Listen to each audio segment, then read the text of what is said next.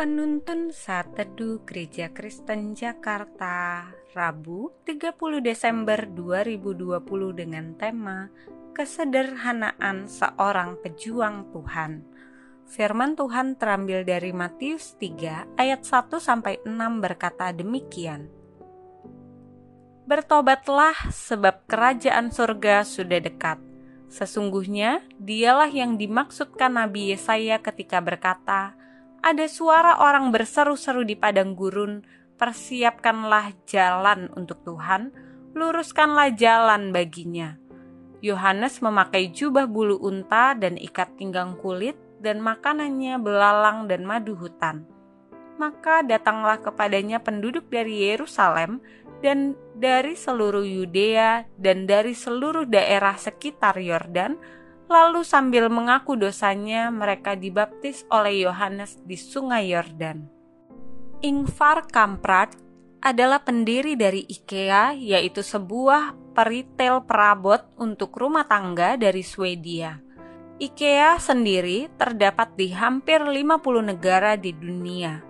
Bahkan katalog IKEA yang berisi informasi produk IKEA sendiri menjadi buku kedua setelah Alkitab yang pendistribusiannya terluas di dunia. Justru yang menarik dari pendiri IKEA ini adalah gaya hidupnya yang sederhana. Perabot rumah tangganya sama seperti perabot yang dia jual di perusahaannya, yaitu perabot dengan harga terjangkau. Dalam bepergian untuk urusan bisnis, Ingvar selalu terbang dengan pesawat kelas ekonomi. Bahkan kendaraan pribadinya, dia tetap menggunakan mobil Volvo tuanya. Matius dalam sinopsisnya menjelaskan tentang kesederhanaan dari seorang pejuang Tuhan yaitu Yohanes Pembaptis. Dikatakan oleh Matius, Yohanes memakai jubah bulu unta dan ikat pinggang kulit dan makanannya belalang dan madu hutan mengingat minat orang-orang Yahudi yang besar terhadap peran eskatologis Elia, Yohanes Pembaptis sengaja mengadopsi pakaian Elia untuk menyuarakan berita pertobatan kepada banyak orang. Akibat kesederhanaannya, banyak orang Yahudi menanggapi pemberitaan Yohanes karena mereka merasa yakin bahwa ia adalah seorang nabi sejati dengan pesan dari Allah.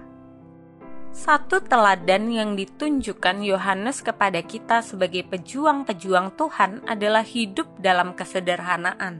Kesederhanaan ini akan membuat hidup kita penuh dengan kejujuran. Konsentrasi kita untuk melayani semakin fokus dan efisien.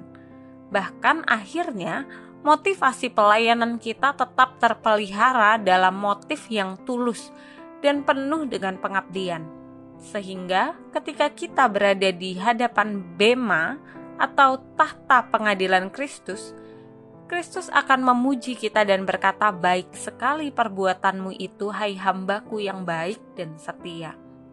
Oleh karena itu, mari kita menjaga motivasi pelayanan kita dengan hidup dalam kesederhanaan.